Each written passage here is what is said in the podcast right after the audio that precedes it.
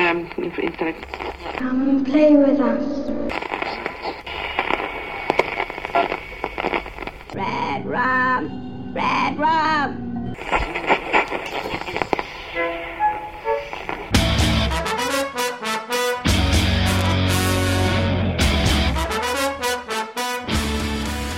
Witam serdecznie w 106 odcinku podcastu Radio SK, będącym bezpośrednią kontynuacją audycji sprzed tygodnia.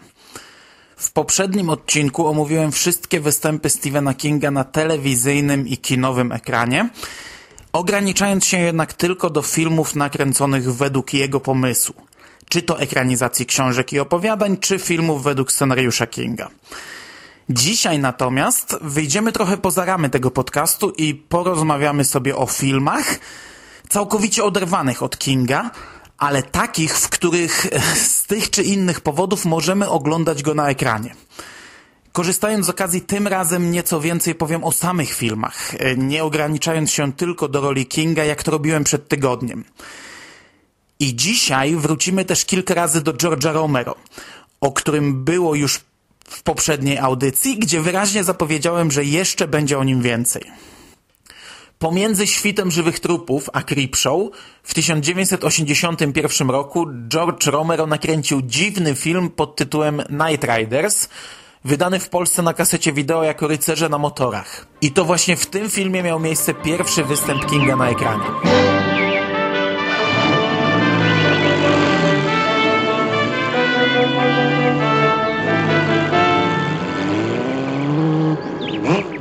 Rycerze na motorach to jest historia grupy artystycznej, która podróżuje od miasteczka do miasteczka, urządzając pokazy walk rycerskich na motorach. Członkowie grupy żyją według kodeksu rycerskiego i niektórzy z nich dość poważnie podchodzą do swojego zajęcia, traktując je jako styl życia. W pewnym momencie dochodzi do rozłamu w grupie. Ed Harris w roli króla chce postępować według własnego kodeksu honorowego, odmawia płacenia łapówek miejscowym policjantom, co skutkuje problemami z władzą. Nie chce rozdawać autografów, gdyż nie uważa się za gwiazdę. Staje do pojedynków z narażeniem życia i tak dalej. W opozycji do niego staje Morgan. W tej roli spec od efektów specjalnych Tom Savini, od efektów specjalnych oczywiście z minionego wieku, kiedy to w horrorze królowało mięcho i lateks. I jest to jednocześnie jeden z bogów mojego dzieciństwa. Morgan chce zacząć zarabiać na ich spektaklach. Dochodzi do rozłamu w grupie, część rycerzy odchodzi wraz z Morganem i zaczyna karierę. Na koniec filmu obie grupy ostatecznie stają naprzeciw siebie w honorowej walce, mającej na celu przejęcie korony.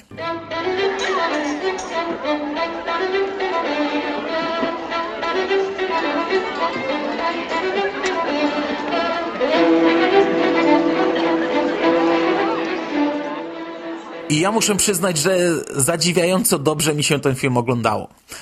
Choć dopiero pomysł na temat tego podcastu zmusił mnie, by przysiąść do tego tytułu.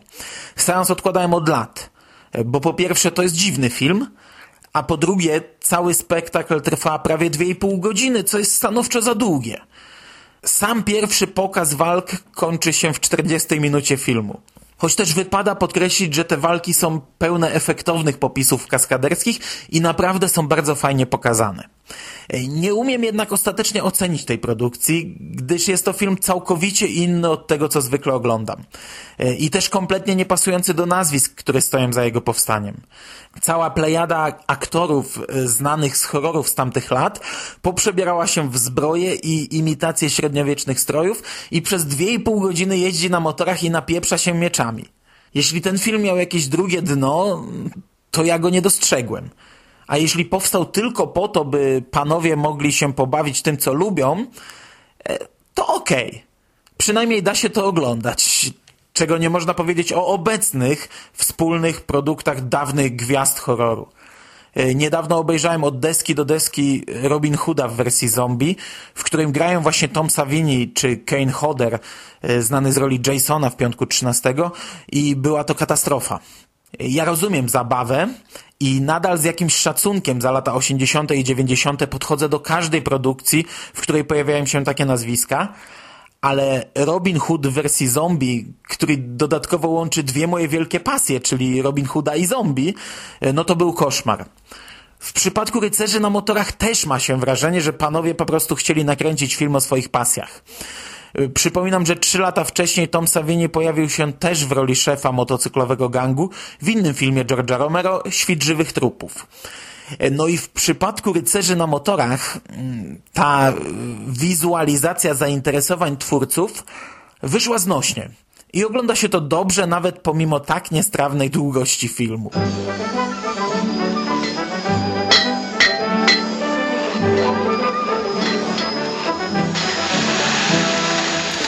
Stephen King pojawia się właśnie podczas wspomnianego pierwszego turnieju. Ma trzy wstawki, ale to są takie króciutkie wstawki. Pomiędzy 10 a 25 minutą filmu e, i jest jedynym spośród widzów, który komentuje widowisko z charakterystyczną dla siebie gracją.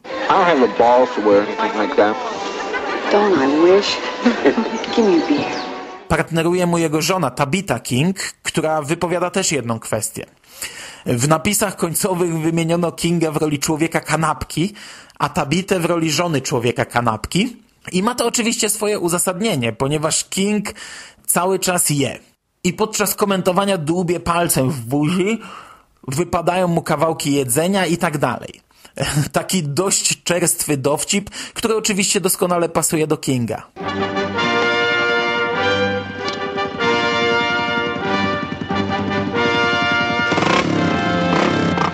They like acrobats, that's all. They're like the wrestlers on TV. They got the leg legs and the Mars, you know what I mean? wow, this is a hell of a show. Come on. It's a fake. It's all a fake. They try to make it look tough. They try to make it look dangerous. W listopadzie 2000 roku King miał bardzo fajne cameo w serialu Simpsonowie. Jego postać pojawiła się w trzecim odcinku dwunastego sezonu pod tytułem Insane Clown Puppy. A ciekawe jest to, że Stephen King sam zdubbingował tę postać. Odcinek zaczyna się od tego, jak Homer wraz z Bartem wysadzają kilka rzeczy w domu, w tym pokój Lisy, e, a gdy okazuje się, że dziś są jej urodziny, pozwalają jej wybrać sobie, co tylko chce robić. Ku niezadowoleniu Homera ta wybiera wycieczkę na festiwal książki, i tam March podchodzi do stoiska Kinga i rozmawia z nim na temat horrorów. So, Mr. King, what tale of horror and the macabre are you working on now? Oh, I don't feel like writing horror right now. Oh, that's too bad. I'm working on a biography of Benjamin Franklin. He's a fascinating man. He discovered electricity and used it to torture small animals and Green Mountain men. And that key he tied to the end of a kite, it opened the gates of hell!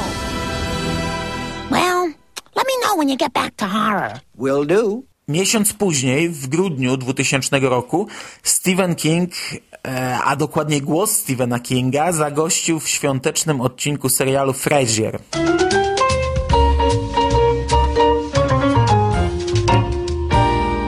Ja nigdy nie oglądałem tego serialu. Kompletnie nie mam pojęcia o czym to jest, dlatego nie będę się silił na jakieś streszczenie czy ocenę obejrzałem tylko tę konkretną scenę na YouTubie, e, obejrzałem też wiele innych podobnych scen, dowiedziałem się, że główny bohater jest radiowym psychiatrą i na przestrzeni lat odbierał masę telefonów od ludzi, którym głosu udzielał cały legion znanych nazwisk. I to jedyne, co mogę powiedzieć o tym serialu. Stephen King był jednym z wielu głosów. Zagrał postać o imieniu Brian i pojawił się w ósmej serii i ósmym odcinku pod tytułem Merry Christmas. Well, we've got just about a minute before we go to the news. I understand we have Tom from Fremont on line one. Go ahead, Tom. I don't want to be squeezed into a minute. I will go on after the news. Well, why don't you tell me your problem now, and then I can give you my reply when we come back. No, I'll wait. Very well. Ross, who else do we have? We have Brian on a car phone. Ah. Go ahead, Brian. I am listening. For what? 30 seconds? I'll wait too. Idziemy dalej. W 2005 roku Stephen King miał krótkie cameo w filmie, który w Polsce ukazał się na DVD pod tytułem Miłosna Zagrywka a oryginalnie funkcjonował pod dwoma tytułami Fever Pitch i Perfect Catch. It's not another woman. It's an entire team. Drew Barrymore, Jimmy Fallon, 23 years. You still care about anything you cared about 23 years ago? It's only a game. What did you just say?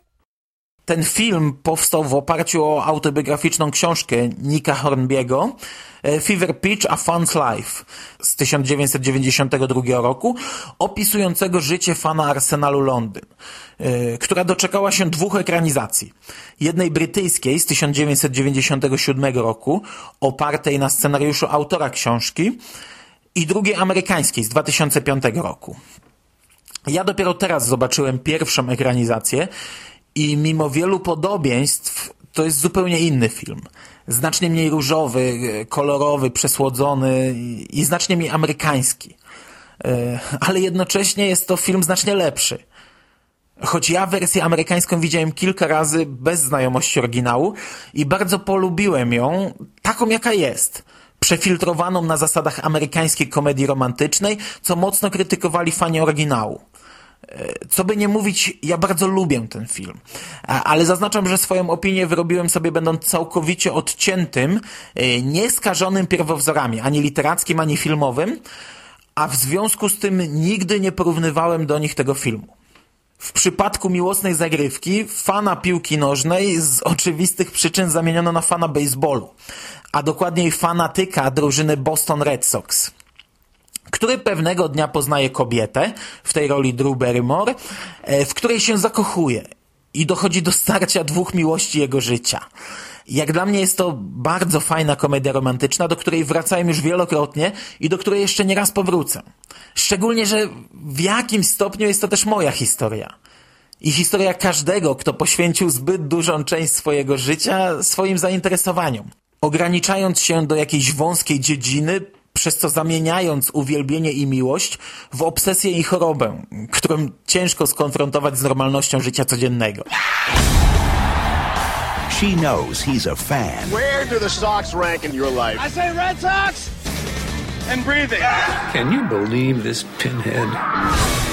She knows he's devoted. This Red Sox thing, it's an obsession. I know, it's just that I hate when it becomes...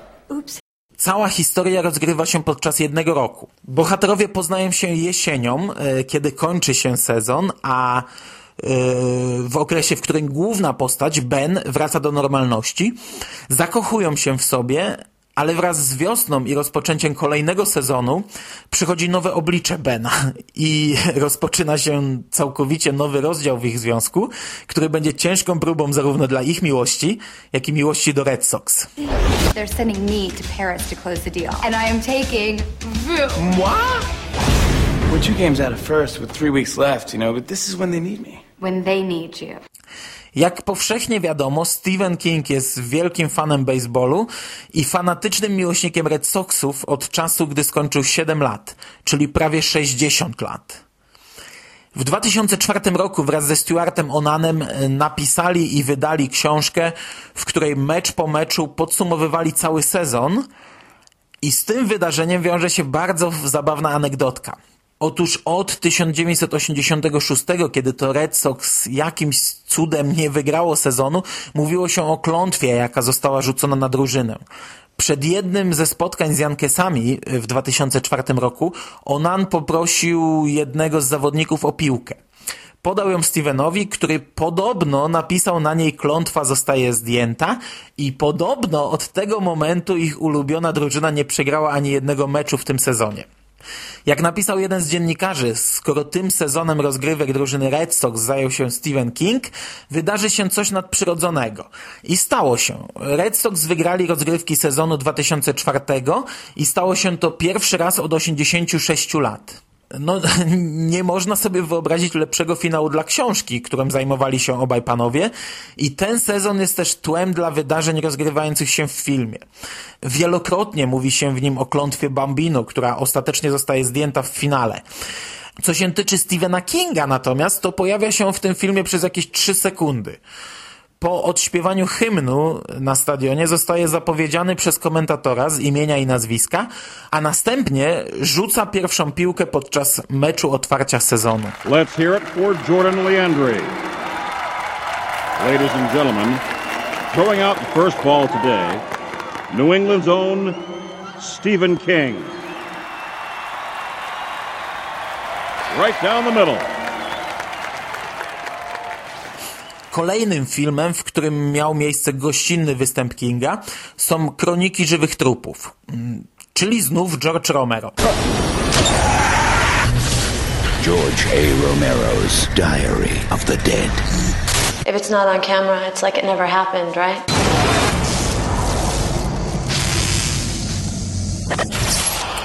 I to jest taki film, przy którym można poruszać temat, jaki niedawno rozwinął się w komentarzach pod jednym z odcinków podcastu Masa Kultury, a który potem na swoim blogu kontynuował Jerry, goszczący u nas niedawno w odcinku Stephen King poleca. Mianowicie, czy można oceniać film na podstawie własnych oczekiwań? Ja jestem wielkim fanem tematu zombie, a chyba każdy, kto mówi o sobie jestem fanem żywych trupów, jednym tchem może dodać też jestem fanem żywych trupów i George'a Romero. Bo to George Romero jest ojcem żywych trupów. E, dla mnie oryginalna Noc Żywych Trupów to jest jeden z tych filmów, które były jakimś przełomem w moim poznawaniu kina. Do dziś pamiętam, jak bardzo za dzieciaka wstrząsnęło mną zakończenie tego filmu i jak cholernie dobrym doświadczeniem był ten pierwszy seans. Świt żywych trupów i Dzień trupów obejrzałem trochę później. I choć ten drugi jest już nieco słabszy, no to cała seria trzyma bardzo wysoki poziom i dzięki niej George Romero wyrósł dla mnie na legendę. Rozszerzenie trylogii przez nakręcenie Ziemi żywych trupów e, wtedy przyjąłem bez obaw, e, bo wtedy jeszcze kupowałem jego filmy w ciemno. Film był znacznie niższych lotów, ale nadal trzymał poziom e, i nie wpłynął na moje zachwianie wiary w Romero. Chociaż ja oglądałem go tylko raz, no ale pamiętam, że był to miło spędzony czas. W 2007 roku pojawił się horror Kroniki Żywych Trupów i choć wszystkie zapowiedzi zwiastowały katastrofę, ja cały czas wierzyłem w swojego idola. Pierwszy kontakt z tym filmem niestety sprowadził mnie na ziemię. Oczekiwałem arcydzieła, a otrzymałem katastrofę. Okej, okay, ten film nawet wtedy miał jakieś plusy. Fajnie motywował to, dlaczego bohaterowie wszelkich mokumentary ciągle kręcą pomimo otaczającego ich niebezpieczeństwa.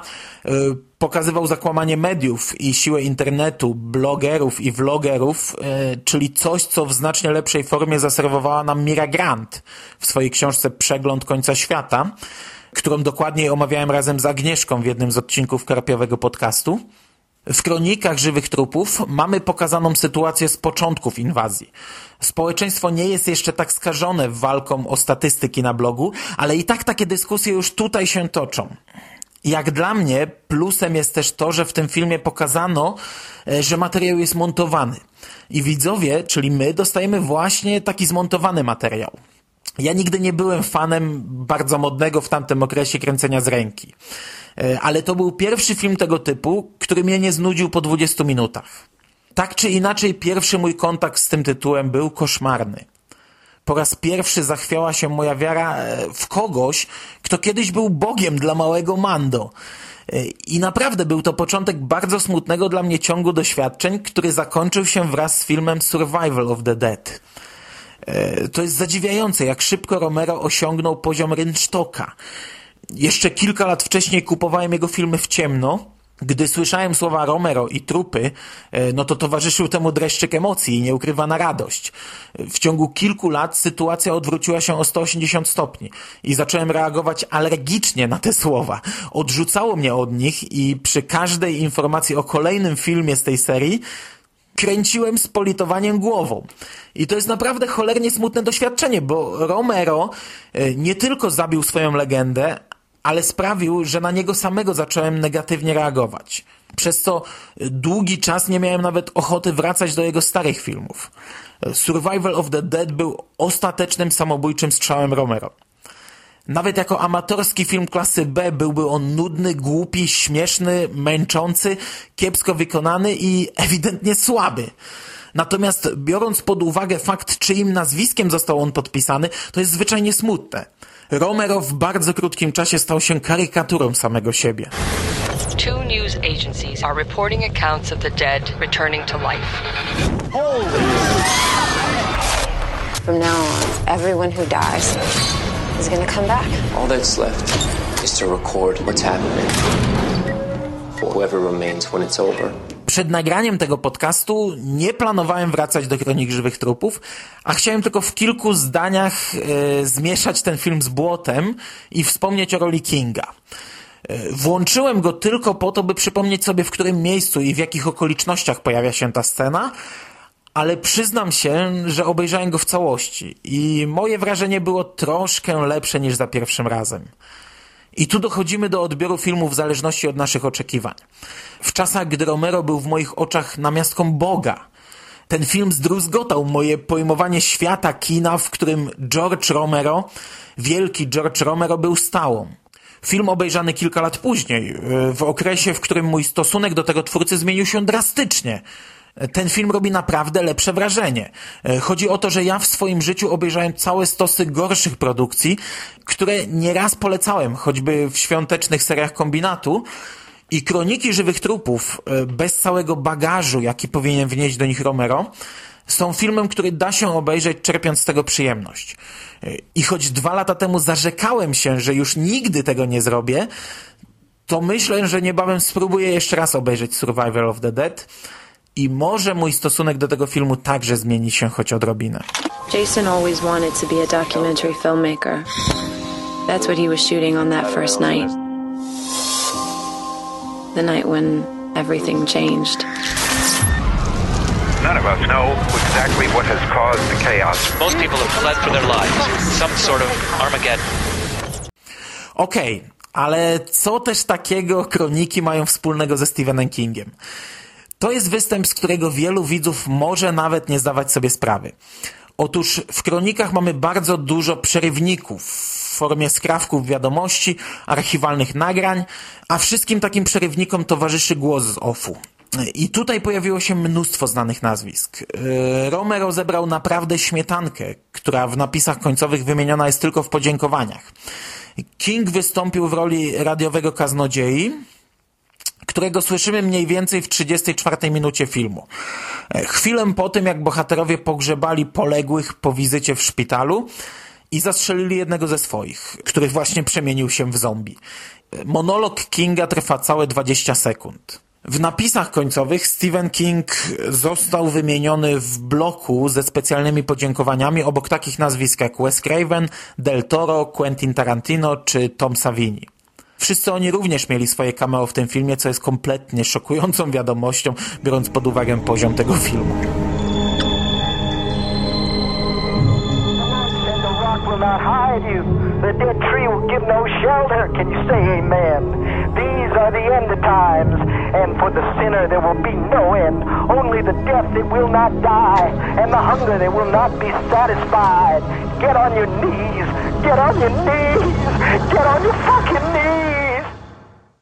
Ostatni póki co gościnny występ Kinga miał miejsce w 2010 roku w serialu Synowie Anarchii.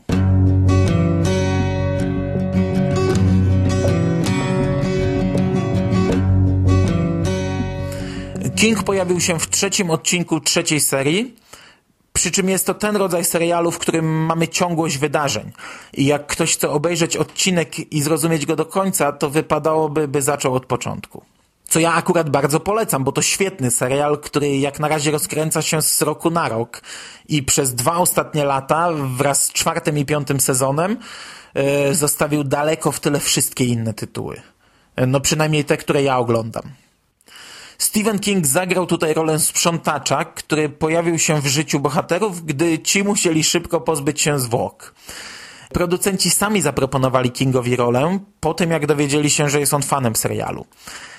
Amerykańska premiera odcinka odbyła się 21 września, w dzień 63 urodzin Kinga, a postać grana przez Kinga nazywa się Bachman. This is what I need. Most of this stuff's in the garage. I'll send Tara out for the rest. Okay.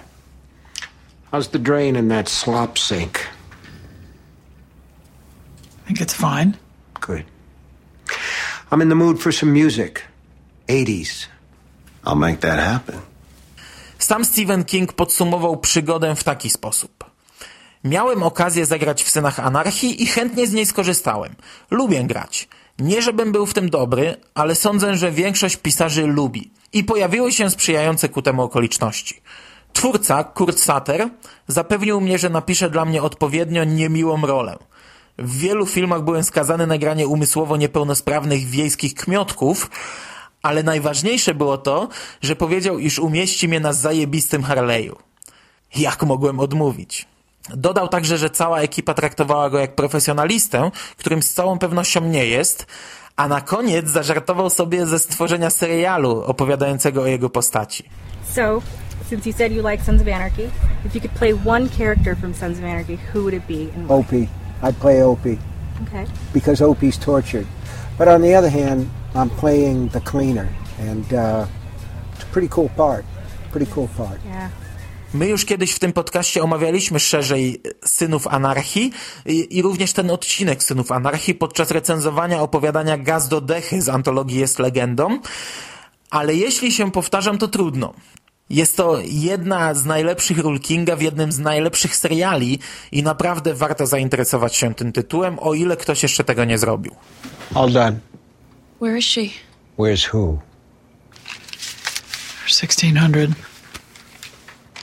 Um, take the rest in goods. Anything. I na chwilę obecną to tyle.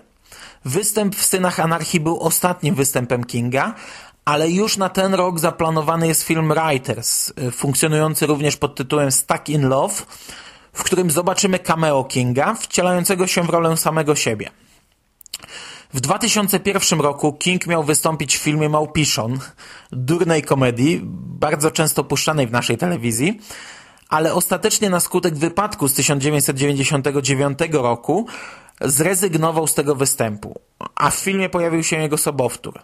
I jest to jeden z niewielu dobrych skutków wypadku, bo film autentycznie jest koszmarny. Y, Sam sobowtór spisał się tak dobrze, że wielu widzów uwierzyło, że widzi na ekranie Stephena Kinga. Wiele serwisów filmowych nie wyprowadzało ludzi z tego błędu, powielając go i przykładowo nasz Filmweb nadal podaje w obsadzie Stephena Kinga. W rzeczywistości w tej roli pojawił się John Bruno, który zresztą został ucharakteryzowany na Kinga z lat 80. I to by było na dzisiaj wszystko. Z pozoru banalny temat musiałem rozbić na dwa podcasty, ale ostatecznie zamknąłem się w dość znośnym czasie. Mam nadzieję, że udało mi się upchnąć tutaj kilka ciekawostek i nie był to zestaw powszechnie znanych faktów, ale jeśli nawet, to może przynajmniej się tego dobrze słuchało. Za tydzień zmieniamy temat, ale co czeka nas za tydzień, tego jeszcze nie wie nikt. Do usłyszenia, trzymajcie się, cześć.